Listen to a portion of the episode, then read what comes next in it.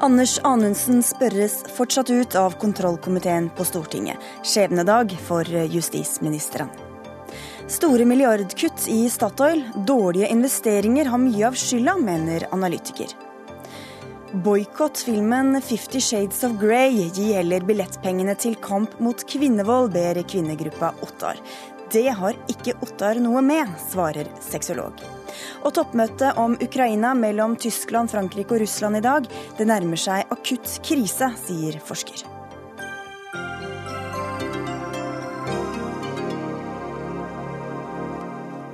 Vel møtt til ukas siste Dagsnytt 18 i NRK P2 og NRK2, hvor vi også spør hvor grensene går for rasisme og spøker om Østfold-dialekta. Jeg heter Sigrid Solund.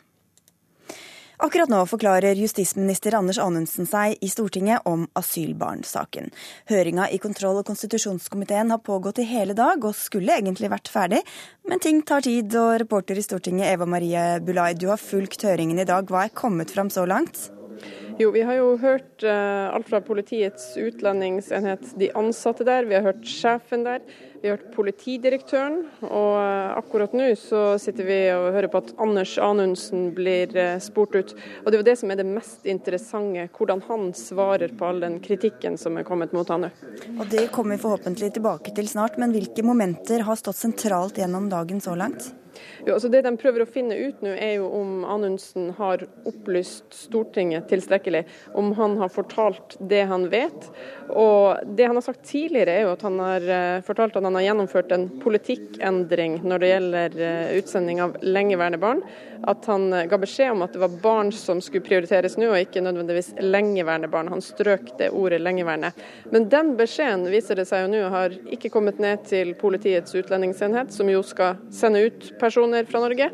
Så nå sitter han og forklarer seg hvorfor denne beskjeden ikke har kommet videre, og også hvorfor tallene viser at flere lengeværende barn ble sendt ut i 2014 enn i 2013. Er det kommet noen reaksjoner som kan tyde på hvordan eh, komiteen kommer til å lande etter dagens høring? Jeg snakka med Martin Kolberg i forrige pause, lederen i kontrollkomiteen. og Han sa at Anundsen står iallfall ikke sterkere etter alle de vitneprovene som har kommet frem i dag. Og Det er en ganske hard utspørring av Anundsen nå. og Han eh, blir spurt igjen og igjen, og det blir eh, sagt at han ikke gir klare nok svar. F.eks. Abid Raja, som akkurat svarte han nå, akkurat spurte han eh, ut nå. Han sa at nå svarer du to ting, kan du svare på nytt? Mm. Vi skal tilbake til Stortinget så snart seansen der er ferdig, og krysser altså fingre for at det skjer innen klokka 19. Takk skal du ha så langt, Eva Marie Bulai. Dagsnytt 18 alle hverdager klokka 18. På NRK P2 og NRK2.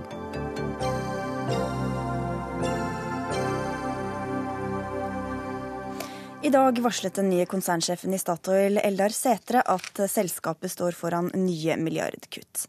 Driftsresultatet for fjerde kvartal i fjor ble lagt fram, og ga det grunn til glede eller fortvilelse for den nye toppsjefen Trond Omdal, du er markedsanalytiker i Pareto Securities? Nei, Det regnskapsmessige resultatet var et underskudd på 9 milliarder pga. Uh, svært store nedskrivninger og tap på internasjonale investeringer. Justert for det, så, så, var den underliggende driften litt bedre enn ventet. Mm. Um, utover at oljeprisen har falt, du var inne på disse utenlandske investeringer. Er det det som skyldes uh, underskuddet? Ja, For hele året nå så har han uh, tatt tap, eller nedskrivninger, på 39 milliarder kroner. Nesten alt internasjonalt og nesten utelukkende i Nord-Amerika. Og Dette er knyttet til at når en har fasiten i hånden, så har oppkjøpene i kanadisk oljesand og, og skifervirksomhet i USA er blitt for dyrt, og Det viser seg når prisene faller, at de, de er ikke robuste for, for, lavere priser. Dette er jo også investeringer som uh, det er politisk strid om. Hvorfor valgte Helge Lund å satse såpass mye på skiferolje og på uh, oljesand? Fordi at Etter fusjonen med, med, Hydro så hadde de en stor utfordring. Hvor skulle de få nok reserver å erstatte de? Og Da Eh, så de at i Nord-Amerika så kunne du kjøpe såkalt billige reserver. Men de er billige for en grunn, for det er lav margin og det er veldig dyrt eh, å utvinne de. Eh, så Derfor har de satset tungt der, og, opp mot 200 milliarder kroner. Og Hva kan da den nye konsernsjefen gjøre for å vri driften i Statoil? Ja, Han har allerede signalisert at Nordsjøen Eh, og Norge er, er det, det, kjernevirksomhetene der de tjener mest penger. og Johan Sverdrup-funnet gjør at, eh, at framtiden for norsk sokkel ser ganske bra ut. Og så skal de ha noen lønnsomme områder som passer med såkalt kjernevirksomhet. Så, så det kan eh, signalisere at du kan bli ytterligere nedsalg. Bl.a. internasjonalt. Og Hva syns de ansatte i Statoil om den nye strategien? Jeg tror at eh, det var en lettelse både bak fagforeninger og tekniske og kommersielle folk eh, at det var riktig tidspunkt for Helge Lund å gå, og de har tillit til den eh, nye sjefen. Han er en mann som har vært i selskapet i 35 år. og sånn at Diagnosen hans er riktig, og det er også at han signaliserer en vridning. Mer fokus på lønnsomhet og mer fokus på norsk sokkel. Og Hva kommer det til å få å si for norsk sokkel og for norsk olje- og gassvirksomhet? Ja, nå har de tatt kuttet Kutter de litt i investeringene i, i, i, dollar 10% men i norske kroner så er faktisk investeringene på nivå kanskje litt høyere enn i fjor. Så uh, vi får et fall totalt sett i år. Uh, men Johan Sverdrup og, og muligens Johan Castberg Barentshavet gjør at vi, vi, vi, ser ikke så dystert på det. Men redusert aktivitet fra toppnivå gjør jo at vi har sett tap av arbeidsplasser eh, allerede, og det kan komme ytterligere tap av arbeidsplasser. Og Da skal de også kutte driftskostnadene. Hva får det å si for de ansatte?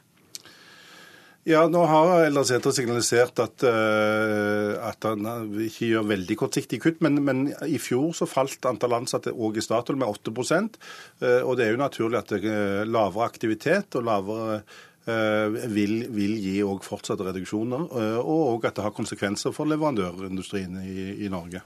Og Det har jo vært eh, lenge snakket om en todeling av norsk økonomi, hvor petroleumsbransjen har hatt råd til høyere lønninger enn resten av industrien, og hvor de også dermed har tiltrukket seg mange av de beste hodene. Kan det være gode nyheter for resten av Norge at det går dårlig i oljebransjen? Ja, det er jo noen som vil si at du skal aldri la en god krise Eh, gå ubrukt. og En skal ikke tegne dette altfor mørkt, fordi at eh, det var kanskje blitt litt for mye bonanzatider. At industrien trenger å tilpasse seg. Vi kan ikke eh, stole på at oljeprisen skal bli liggende over 100 dollar, som vi har sett. Så, og I tillegg så har denne todelingen sånn at noen av disse flinke hodene kan finne andre jobber innenfor privat og offentlig virksomhet. Og så har det også vært noen som har krevd av Statoil at de skal satse mer på fornybar energi. Hvilke signaler er det kommet der? Jeg tror det viktigste de gjør når det gjelder bærekraft, er å gjøre olje- og gassutvinningen mye, altså mindre utslipp både til luft og vann, mye mer energieffektiv. Eh, han har, har vektlagt at det skal være lønnsomhet. Eh, vindkraft er der de har satset foreløpig, og gitt de begrensningene på kapital de har, så, så tror jeg ikke vi skal se en storslått satsing på, på fornybar de nærmeste par årene. Hvordan har børsen reagert på dagens eh, tall, da? Resultatet er litt opp. For det første var det, når du tok vekk disse nedskrivningene som var forventet allerede, så var det litt bedre. Men det enda viktigere var at du opprettholder utbyttet. At du betaler ut det og, og, og de neste tre kvartalene. Eh, det uh, likte markedet, så den gikk opp over 2 i dag. Vi har også vært i kontakt med Statoil eh, og tilbudt dem å komme til Dagsnytt 18, men de hadde ikke anledning i dag. Vi får si tusen takk til deg for at du kom, Trond Omdal fra Pareto Securities.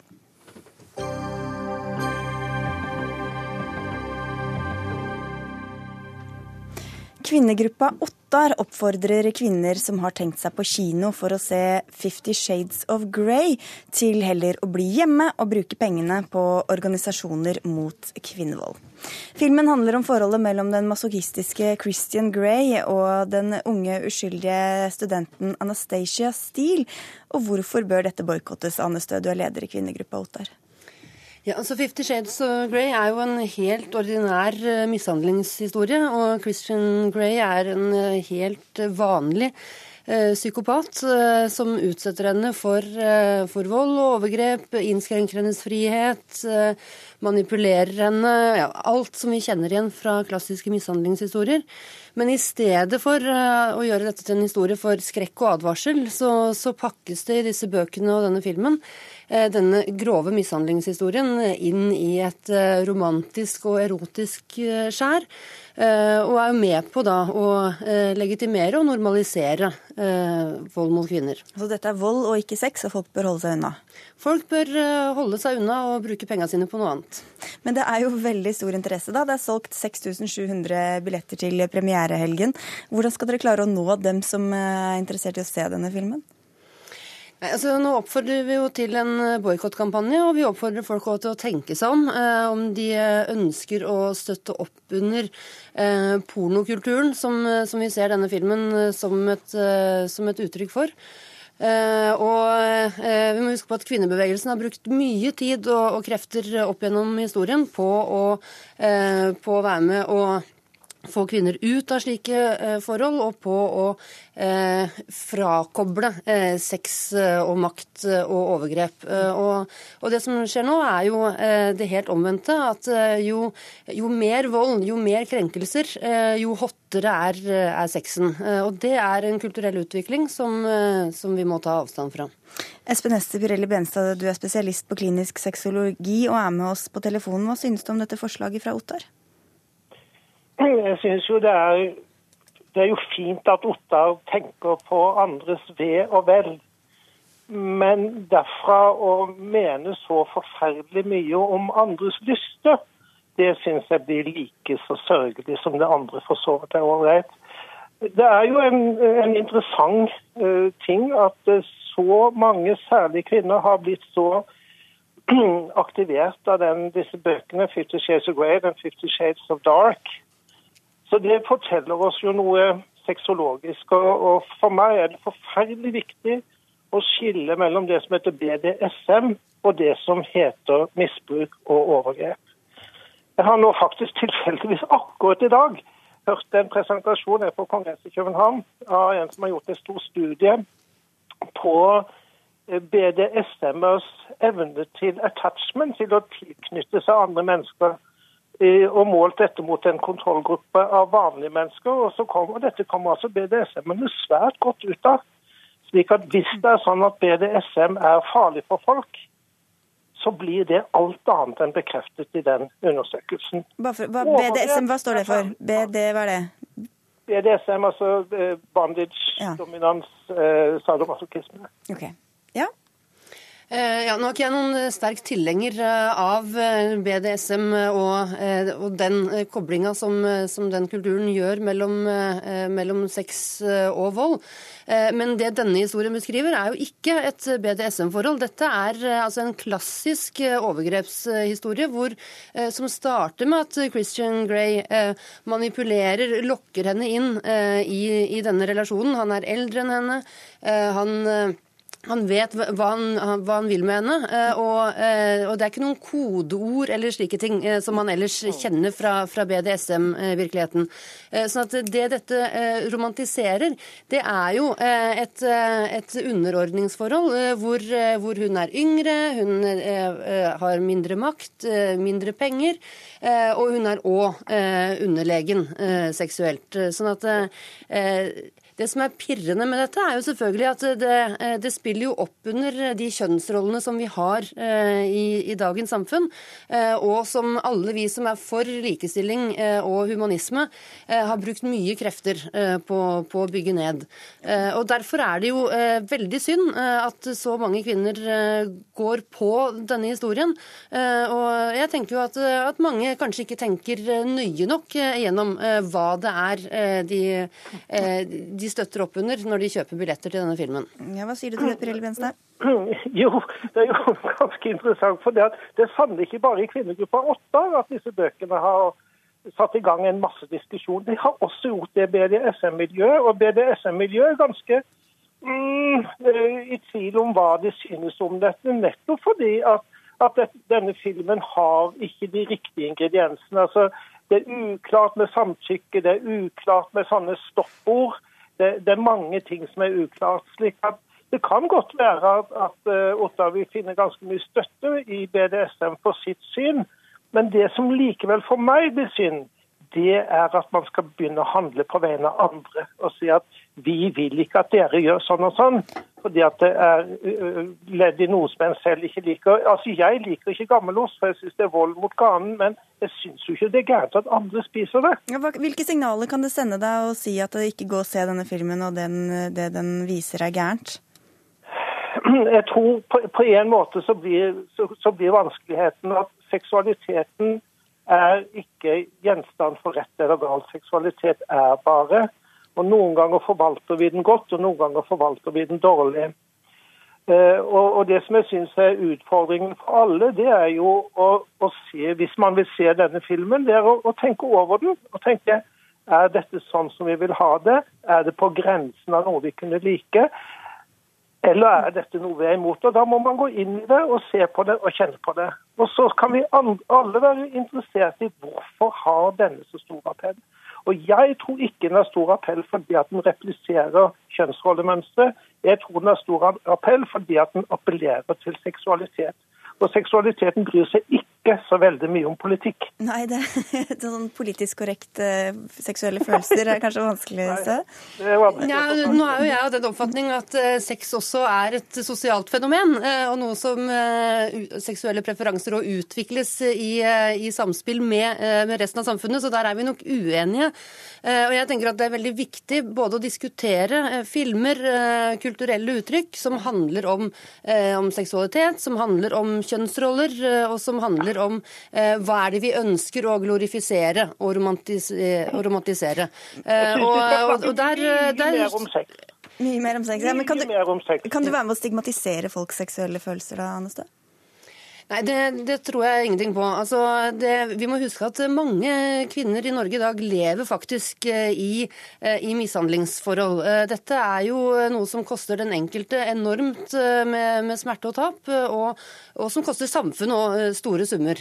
Sånn at vold mot kvinner er et veldig alvorlig spørsmål som vi er nødt til å ha på den politiske dagsordenen. Og det er ikke sånn at de kvinnene som lever i mishandlingsforhold, har en, en annen seksuell interesse av dette enn en du og jeg. Eh, altså, de har rett og slett kommet seg inn eh, i en relasjon som, eh, som det vil ta dem årevis å komme ut av. Og for mange er dette òg faktisk farlig for, for, liv og helse. Hello, Denmark. Man må ikke blande BDSM og misbruk og vold. Det er så feil, så feil, så feil. Og ja, det faller jo du som blander dette, da. veldig uheldig ut. Nei, jeg blander ikke det, men du gjør jo det hele tiden. Og så hold seksualiteten for seg, og i seksualiteten så er det også sånn at det er ikke bare kvinner som underkaster seg, menn gjør det også. Men er dere bare uenige om hva denne filmen viser, da? Mener du at dette er Nei, jeg, jeg, jeg, jeg har ikke sett filmen. Nei, med boka, da? Ja, den diskuter, diskuteres også i, i BDSM-miljøet, og de er ikke nødvendigvis så veldig begeistret for den. Men det er tydelig at 6500 norske kvinner er såpass begeistret at de har kjøpt billett. Og da syns jeg de skal gjøre det. Og Så skal de kjenne på det, og så skal de se på det og så skal de snakke om det etterpå. Og ikke la seg styre av at det sitter noen og på en måte onanerer på sitt forhold til, til denne filmen. Ja, det er vel ja. du som gjør det, da, Anstad. Gudene veit. Men ja, vi syns heller at folk skal bruke pengene på å støtte kampanjen Stopp pornokulturen eller eh, landets krisesentre, eh, og bidra til å hjelpe kvinner ut av mishandlingsforhold, i stedet for å støtte opp under det. Da fikk vi appellen til slutt. Også det. Ja, Både og for deg da, Espen Ester Pirelli Bennestad. Takk skal du ha for at du var med fra eh, København, og takk til deg også, Anne Stø fra kvinnegruppen Ottar.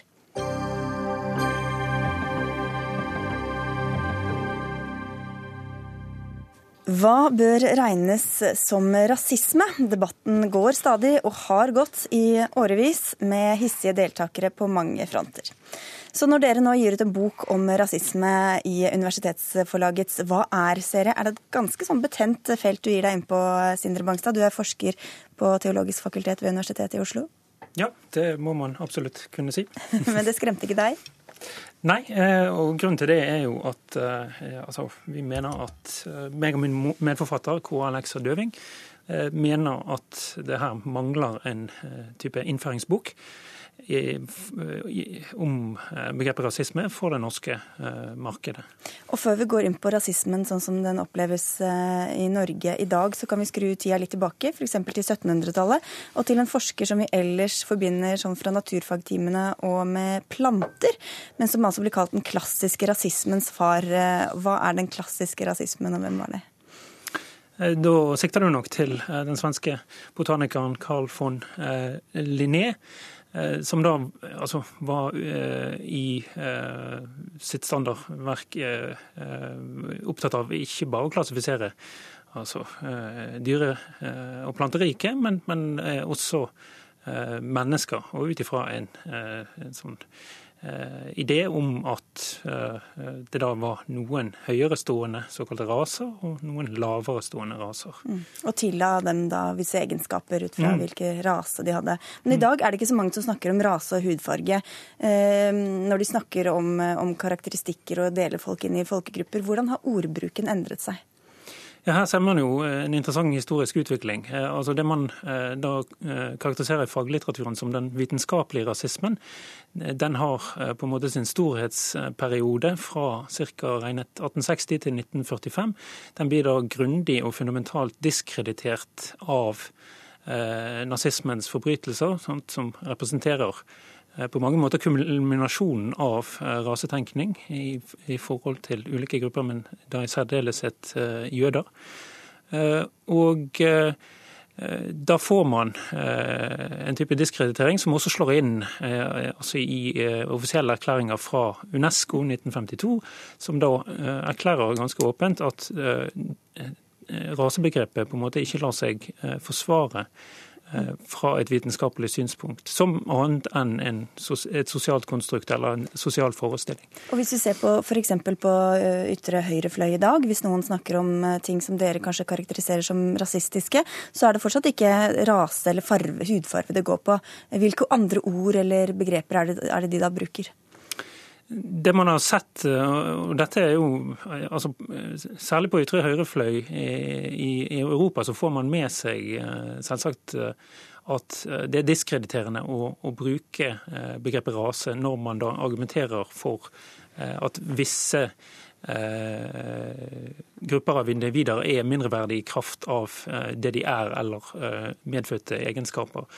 Eh, slik at eh, altså, Særlig fra 80-tallet og fremover eh, så begynner man i sterkere grad å snakke om altså kultur og religion som det avgjørende karaktertrekket ved folk som man da mener det er legitimt å diskriminere mot, eller som man da anser som mindreverdige eller underordnet. Men Betyr det å si at det er rasisme hvis man sier at man er bekymret for f.eks. flerkultur eller innvandring fra muslimske land? Nei, ikke i seg selv. Og Det er viktig, og det er noe vi har arbeidet mye med i denne boken. Altså, eh, noe av det vi ønsker å oppnå, det er også et, eh, et sterkere presisjonsnivå i begrepsbruken.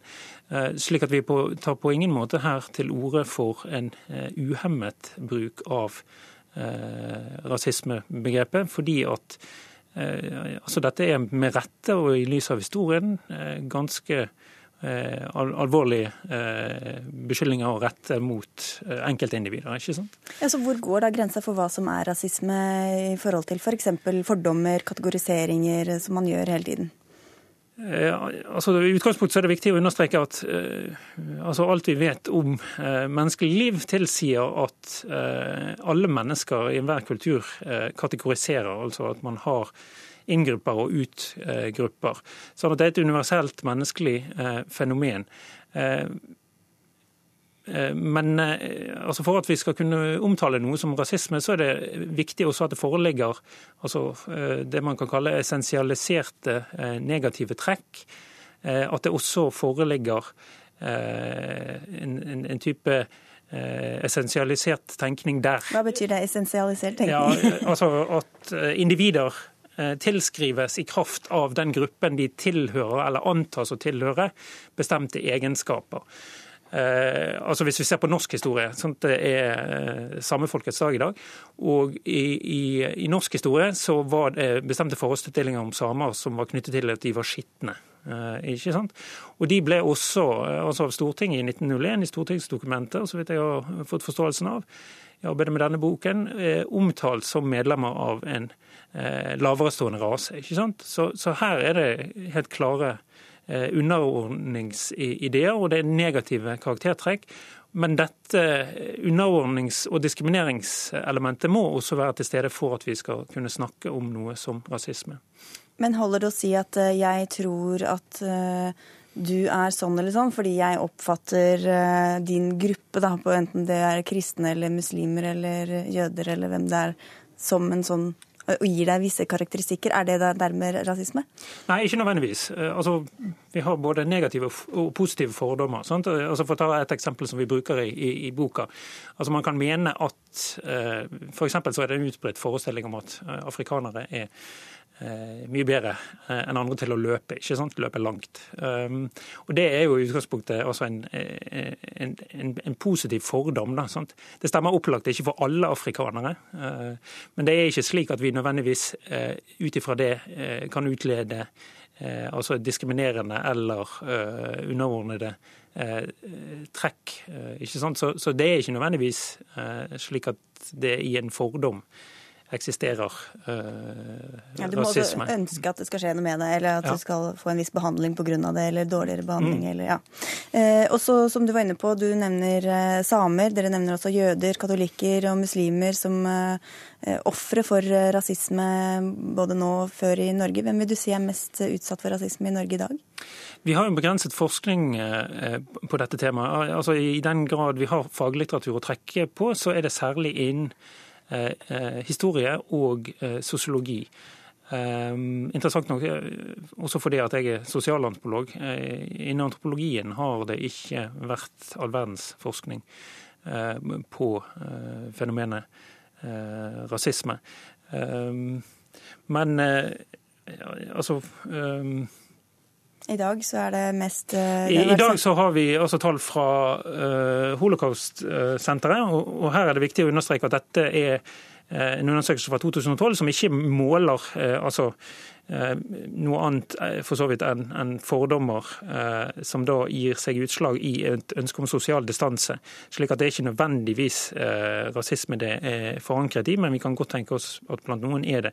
Holocaust-senteret gjorde en undersøkelse blant et representativt utvalg av den norske befolkning, og der fant man at de kategorier mennesker som altså en størst andel ønsket lav grad av sosial og, og, annen kontakt med. Der var det eh, tre grupper som utmerket seg. Eh, det var altså rom- og romanifolk, eh, det var eh, muslimer, og det var somaliere. Da fikk vi en liten flikk av svaret dere stiller. Hva er eh, rasisme? Eh, for å gå grundigere inn i det, så får man lese hele boka. Takk skal du ha, Sindre Bangstad, for at du kom til Dagsnytt 18. Og tusen takk.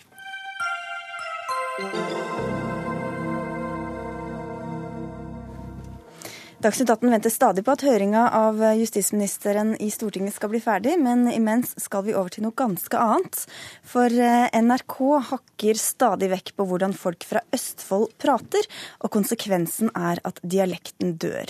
Det skriver Språkrådet på NRK Ytring etter bl.a. dette innslaget. Ja, jeg har med et foredrag her i dag, og det heter den storpolitiske og økonomiske situasjonen i Hellas og Europa for øvrig, så du skjønnert. Ja, La oss se på det. Ja. Se for dere Europa. Det er som Svinesund. Og Hellas ja, det blir som Maximat. Og nå har Hellas og Maximat gått tom for det verste man kan gå tom for røk. Det er helt tomt for røk. Så Hellas den blir nødt til å bomme røk fra EU. Ja, dette var klipp, et klipp fra en sketsj i Underholdningsavdelingen i NRK forrige lørdag. Karine Stjernholm, du er seksjonssjef i Språkrådet og skrev den ytringa du trakk på spillebåndet nå, men hva er det du misliker ved dette?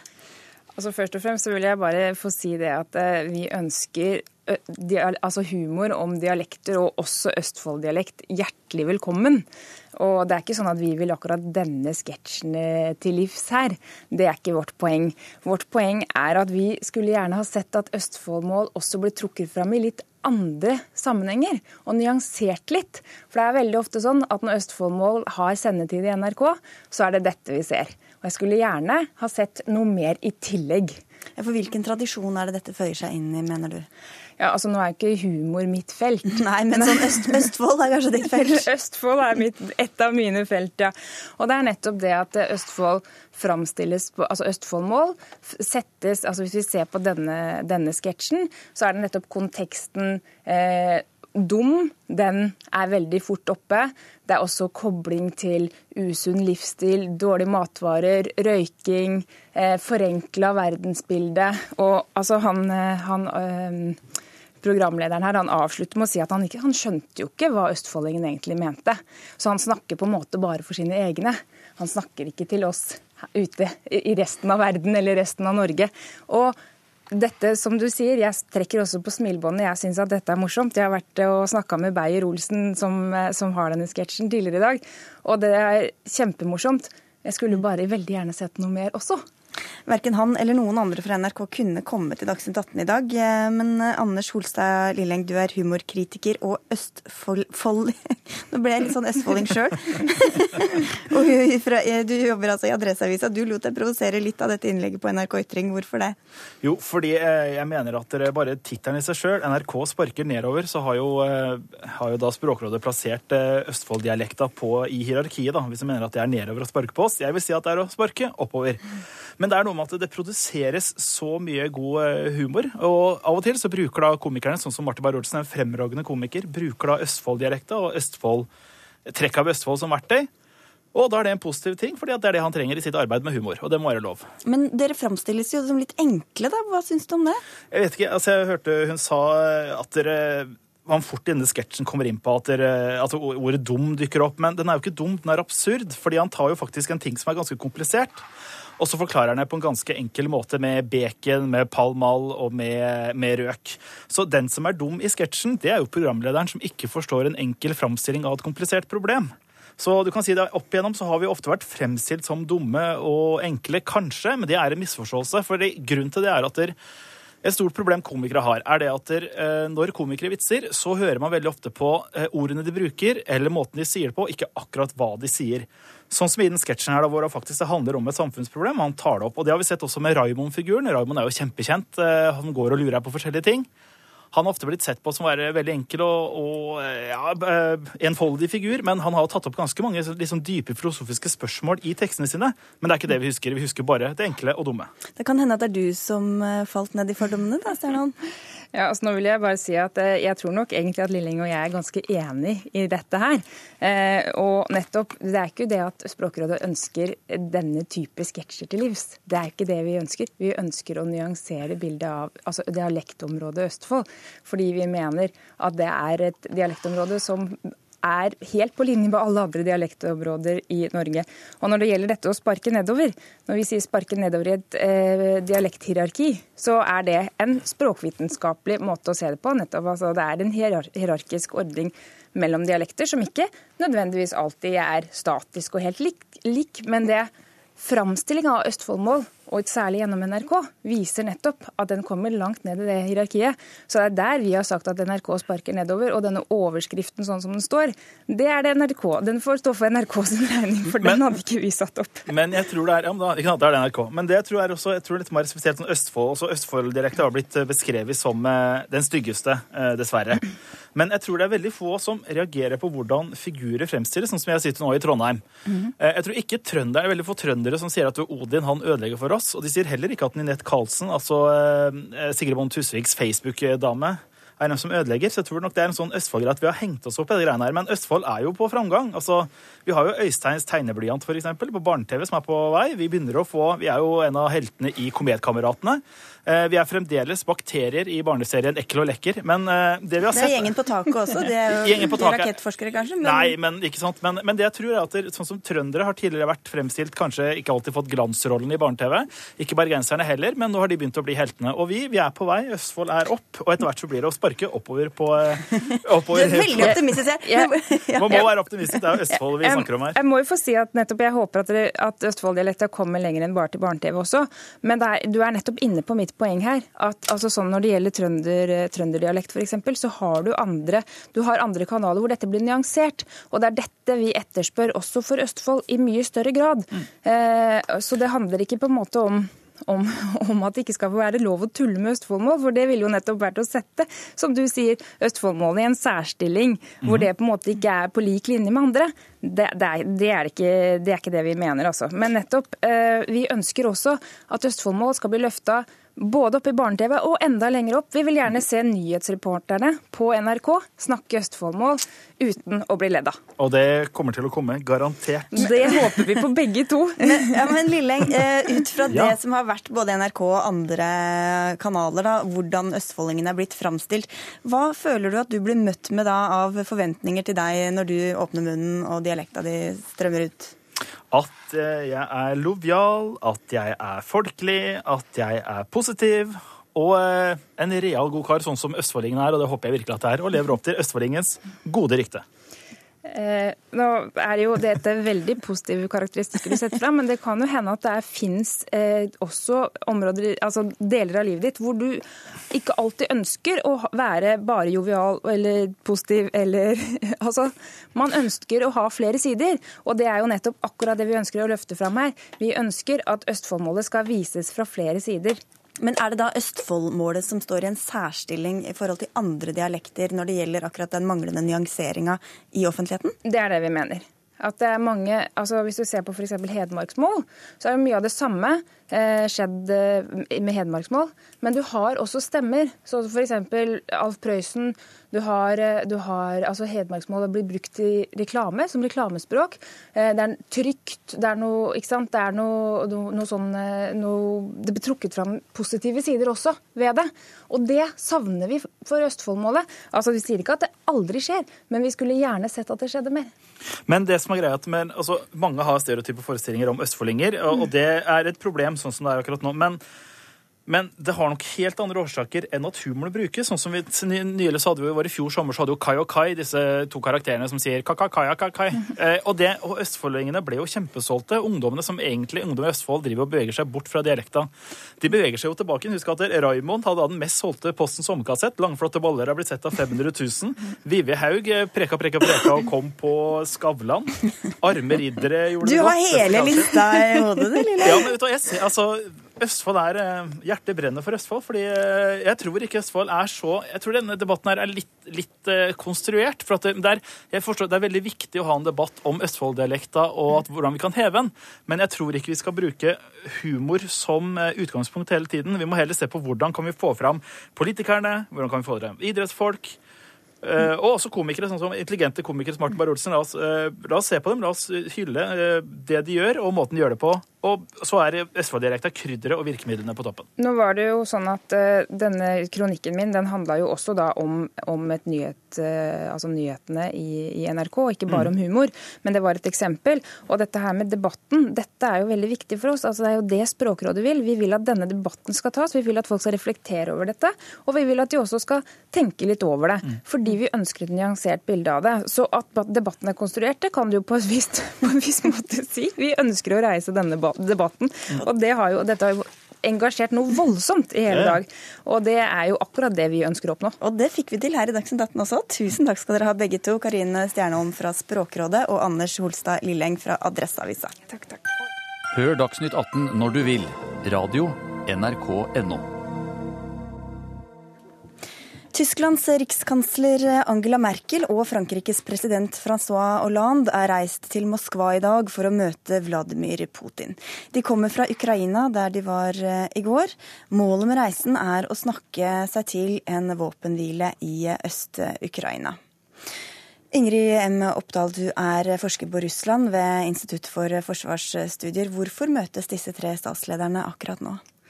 Um, det er nok uh, i Europa, um, og også i, i, uh, blant internasjonale aktører som, som har uh, fulgt konflikten blant statsledere, en følelse av at med en sånn eskalerende situasjon på bakken som man har sett de siste ukene, så, så kan tiden på, en måte være i ferd med å løpe ut. Altså, um, man er, man er, redd for at, at, konflikten vil komme ut av en så, sånt felt hvor det er mulig å påvirke den politisk i det hele tatt. Og Hva er det Merkel og Hollande spiller inn til eh, Putin? Ja, Det kan vi jo ikke helt vite. Um, men med, de var i Kiev i går. Uh, med seg fra Kiev så hadde de muligens, det virker som, en slags, uh, slags uh, plan for, for en eller annen prosess frem mot muligens noe fred, eller, eller en, form for, en, en, plan som man kan se på som en sånn plan for deeskalering. Og um, det, det de kan gjøre, det er jo um, i, i, denne komplekse situasjonen som, som også blir, blir, noe mer eh, kritisk av at det er blitt snakk om, om våpenhjelp til Ukraina fra, fra amerikansk side. Ja, For, for Kerry, var utenriksministeren, ja. var også der tidligere i uka? Mm. Ja, det var han. og Biden i Brussel i dag. Så um, i denne komplekse situasjonen så kan de um, bruke et, et, et, europeisk alternativ, eh, hvor, hvor, Putin skjønner at, at her, her, er man også over, altså for hans del også over eh, i, en, i, en, litt annen fase, hvor, hvor, det kan bli vanskelig å påvirke aktørene på bakken. Eh, det kan komme forskjellige andre ting i spill. Så eh, de, de, har muligens eh, kan man anta noen ris bak speilet i form av at de, de kan antyde ytterligere sanksjoner eh, som er mye mer vidtrekkende enn en de, de, som er eh, i kraft i dag. Eh, samtidig så har jo Merkel sagt at Eh, hun ikke, ikke ville dra til Moskva eller gå inn i, en, inn i samtaler hvis ikke, hvis ikke, hun trodde det var rom for å oppnå, oppnå noe. Det, det, har hun tidligere sagt. Så har hun nå i, i og for seg dempet forventningene i går og i dag til hva som er mulig å oppnå her og nå, og hva, er, hva, man, hva slags forventninger man reelt sett kan ha. Men hun har sagt det. og da, da kan man jo tro, da, eh, og altså litt sånn rykter, eh, på at, at, at russerne kan være villige til, til, å se på mer konkrete steg mot, mot løsninger. Da. Og Merkel er en som Putin ellers kan tenkes å lytte til, i hvert fall? Eh, han har snakket, hun har snakket hun, ja, om noen. Det er jo det som er eh, om noen som, som, eh, som er uten, utenom hans egne rådgivere i Russland, i Kreml. Men eh, de har mye tettere kontakt enn det han har med andre statsledere. Spesielt det siste året. fordi at hun har, det, det har vært gode rutiner for så å si ukentlige telefonsamtaler og sånn. Og hun har gjennomført det eh, ganske fast, så, så, vidt, så, vidt, man vet. Uh, også det siste år, og det er det få andre statsledere som, som virker som har, da. Nå er det politisk uenighet i USA om hvorvidt de skal bidra med våpen til Ukraina. Hvordan kan det tenkes at Russland reagerer dersom det skjer? Vel, eh, det, eh, det Der er det nok eh, to ganske klare konsekvenser av det. Ting som, som, som vil skje ganske raskt og, og, og, forutsigbart. For det første så, så, vil jo det gi et, et veldig godt propagandakort for Putin. Både på hjemmebane og også overfor Vesten. Se her, dere, dere er faktisk til stede. I, i, Ukraina militært også. For det er jo det han har anklaget Nato for å være uh, over lengre tid, og det som, som Jens Stoltenberg selv klart selvfølgelig har avvist. Um, så, så det ville gi ham helt annen, et, noen helt andre kort overfor Vesten. Men så ville det jo selvfølgelig også eskalere situasjonen. fordi at, at uh, mye av hans uh, forhandlingsrom, mye av usikkerheten som han spiller på, og, og, og mye av hans støtte og liksom eh, muligheter for propaganda hjemme. Mye av denne konflikten ligger jo også i at, at russerne sier at vi er ikke der på bakken. Dette her er frivillige som har reist over grensen, og så, så har vi ikke stoppet dem, da. Um, og, og, og, det er jo uh, Det er klart at, at uh, det ville jo ta slutt hvis hvis det var vestlig amerikansk våpenhjelp, så ville, så ville, russerne også være formelt til stede, vil jeg regne med. Mm. Samtidig med dette toppmøtet i Moskva er det også en sikkerhetskonferanse i München, hvor du er eh, korrespondent, også Marit Befring. Hvor opptatt er de av det som skjer i Ukraina og Russland? Ja, Konflikten eh, i og rundt eh, Øst-Ukraina det overskygger alt annet på denne konferansen. her, og Det skyldes jo nettopp denne tilspissingen av konflikten de siste ukene. Eh, og Forventningene er jo også store til hva Angela Merkel kommer til å ha med seg når hun kommer rett hit fra Moskva senere, trolig i morgen tidlig. Og Selv om de ikke tror at Putin kommer til å komme med de store innrømmelsene, så har man jo en forventning om at det skal ha skjedd en bevegelse, nettopp som blir sagt fra studio. Og Veldig mange av de som er her, er jo toppledere som ønsker å ha samtaler med både Sergej Lavrov, som er på konferansen, og også Ukrainas president Porosjenko, som er her. Slik at listen er lang med folk som ønsker å gå inn og prøve å, presse partene her nå til å komme sammen mm. og klare å få på plass en løsning. Og nettopp Porosjenko, som du nevner, og utenriksministeren i Russland Lavrov skulle altså møtes i dag. Hvordan er stemninga dem imellom? Ja, eh, Det er ikke bekreftet at de to skal møtes eh, foreløpig. Eh, men det er jo det man ønsker å prøve å få til. slik at det er mange her som ønsker å få dem til forhandlingsbordet. og Angela Merkel kommer nok sikkert også til å være en av dem i morgen. Og John Kerry, den amerikanske utenriksministeren, er her og vil jo også snakke med begge to. og Det man ønsker å oppnå, er jo nettopp at de kommer sammen og snakker i samme rom. Men uansett så vil statslederne gå, gå, imellom, gå imellom og snakke med hver enkelt av dem, og så får man se hvor langt man kommer. Og Du følger det videre, Åse Marit? Ja, jeg skal følge dette videre utover, ja. Det er helt riktig. Og så det blir jo spennende å se.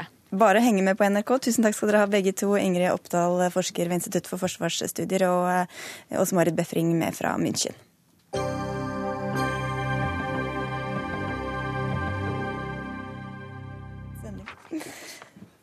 Da skal vi tilbake til Stortinget, hvor eh, høringa med Anders Anundsen, justisministeren, fortsatt pågår. Den skulle vært ferdig for lenge siden, så det er nok å snakke om, tydeligvis. Eh, Eva Marie Bulai, du er reporter der. Hva er det siste du kan fortelle fra høringa? Jo, nå borer de på å prøve å finne ut om han vil beklage det at det faktisk ble sendt ut flere lengeværende barn i 2014 med hans eh, regjering han går ikke så langt at han beklager, men han eh, sier at uh, han beklager det at beskjeden ikke kom videre. Men han, han snakker rundt temaet, og det er mange folk som stiller de samme spørsmålene. Spesielt Venstres Abid Raja har vært veldig på på å stille spørsmål om det her med å beklage. Og så har det også blitt bora en del på det her hvorfor man sendte ut flere til Afghanistan og Nigeria. Og da sier han jo fortsatt det som har blitt sagt tidligere, at det åpna seg en mulighet. At det var mulig å sende tilbake til Afghanistan. Men så vet vi jo samtidig at eh, Bergens Tidende har publisert et brev der det var reaksjoner fra afghanske myndigheter på at man sendte nettopp barnefamilier til Afghanistan, og at de trua med å stenge grensa. Eh, men du sier at de borer, så det virker ikke som de er helt fornøyd med det Anundsen eh, svarer så langt?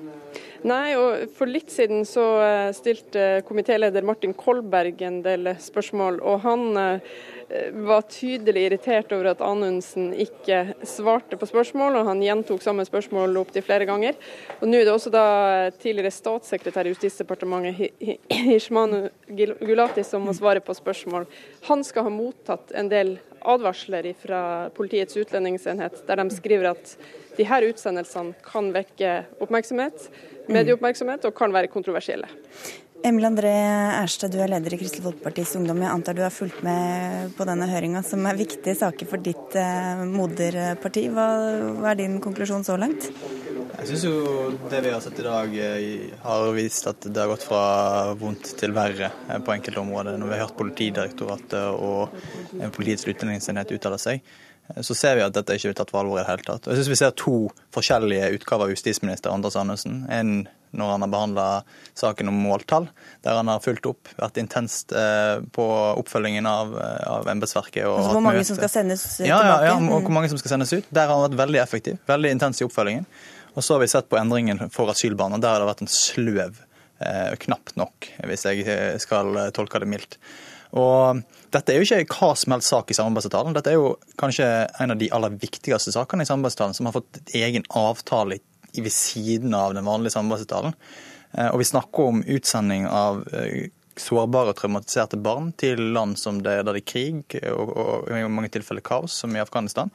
Og Det er noen av de mest sårbare i samfunnet, og det kan ikke vi i KrF bare se på. og Det mener det Anders Anundsen har svart i dag, ikke er tilfredsstillende. Det er ikke tilfredsstillende, så du syns han burde gå av, som du antydet forrige helg, eller? Jeg syns iallfall i hvert fall Erna burde gjort omrokering i regjeringen sin, og det mener jeg fortsatt. Eh, men, eh, men Bare slenger en henstilling til statsministeren om å be henne Men så skal KrF behandle dette her, og, mm. og det må vi se på hva, hva KrF mener. Du har kanskje jeg... ikke lyst til å konkludere på vegne av dem sånn midt i høringa. Tord Hustveit, du er leder i Unge Venstre. Hva er ditt inntrykk etter dagens høring? Nei, eh, Asylpolitikken var en av de viktigste grunnene for meg til å drive valgkamp mot den rød-grønne regjeringa. Eh, og det at man fikk til en asylavtale med Frp, var en forutsetning for at regjeringa sitter som den gjør i dag. Eh, og når vi fikk til en asylavtale mellom Frp, Venstre og KrF, så er det som å forene ild og vann. Eh, det er jo utgangspunktet noe som er veldig vanskelig å få til, men vi fikk det til. Og da er det fryktelig viktig at den som skal forvalte den enigheten, har tillit fra Venstre og KrF.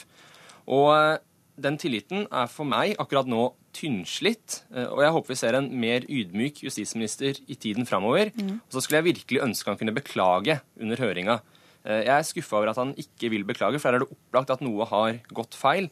Og det er han som har hatt det øverste ansvaret for å forvalte den enigheten, og det er ikke, gjort på en, ikke blitt gjort på en god nok måte. I det ligger det jo at du mener at Venstre kanskje burde fortsette å ha tillit til Anders Anundsen, og at det i hvert fall ikke er sånn at han burde gå av, eller? Nei. Eh, det viktigste for meg er hva som skjer framover. Og er det én ting vi har sett i løpet av denne høringa her, så er det at det er noe grunnleggende eh, galt med norsk asylpolitikk. Det har vært det lenge fra mitt ståsted.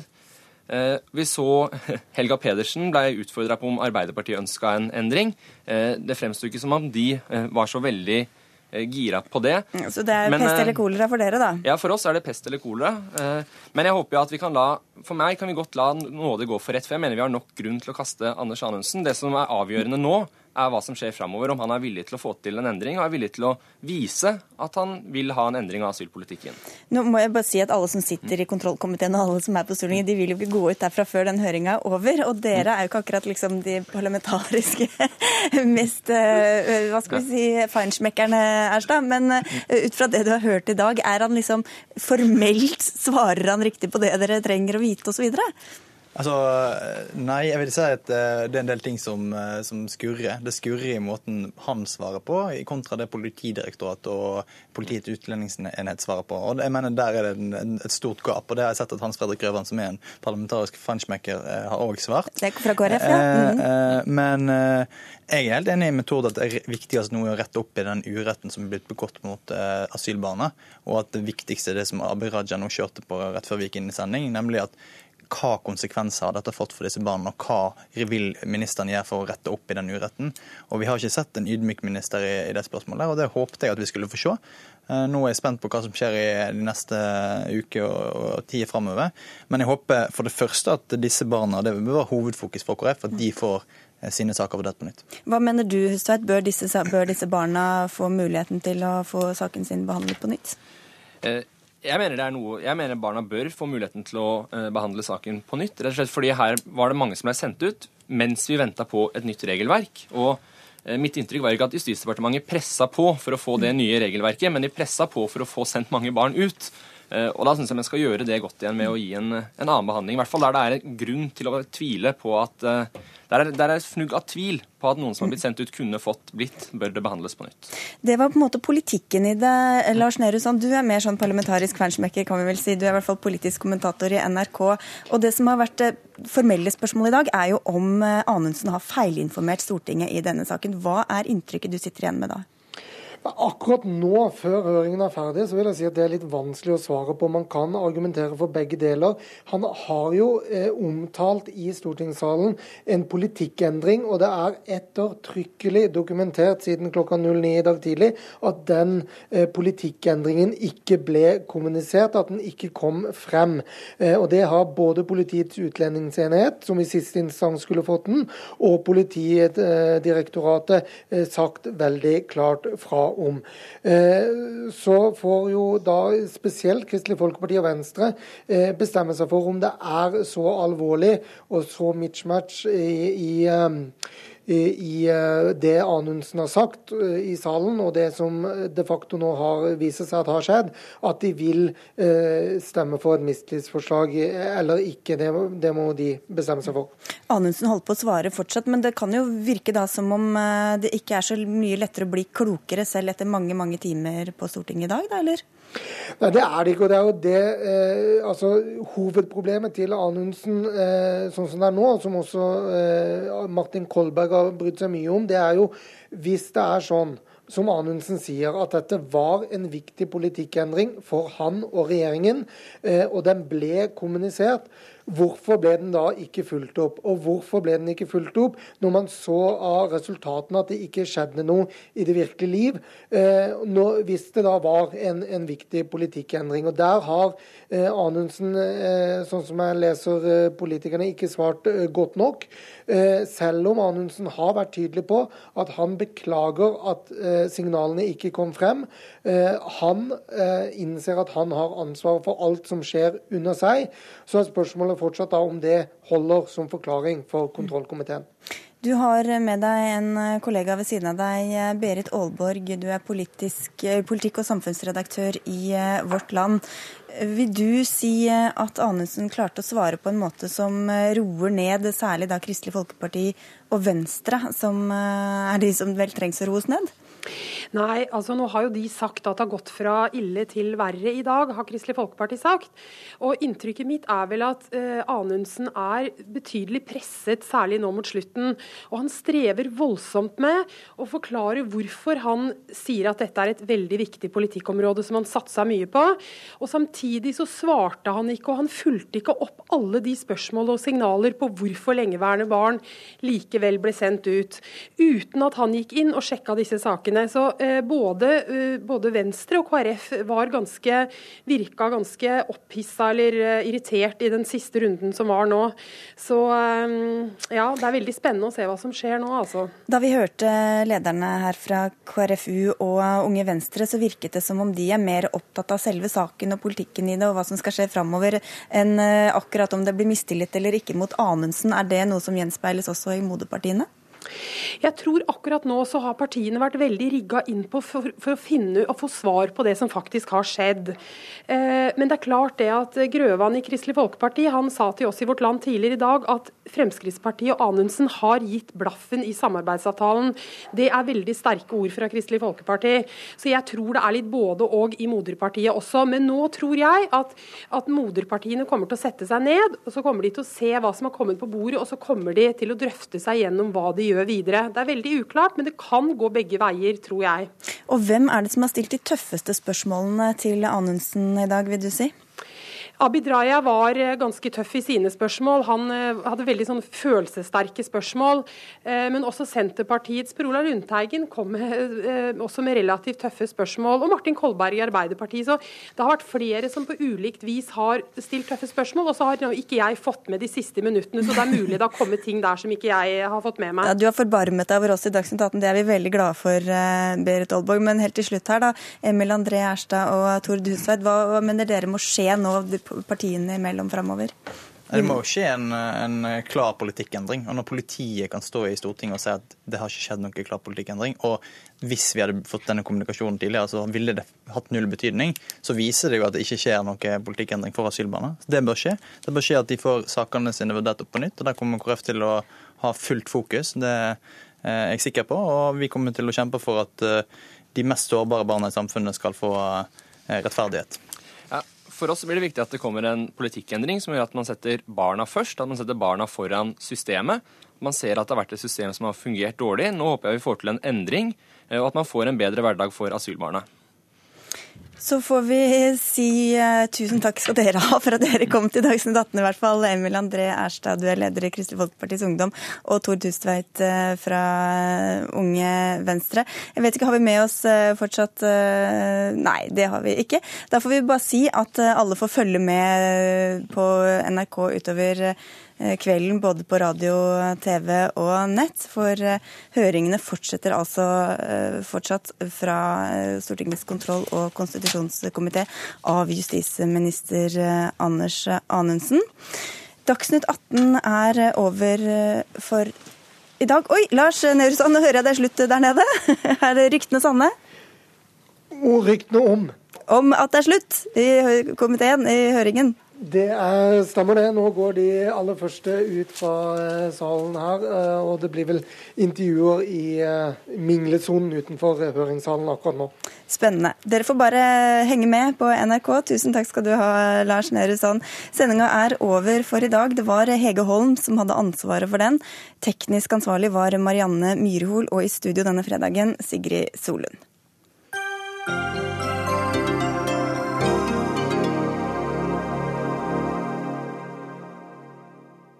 Hør flere podkaster på nrk.no podkast.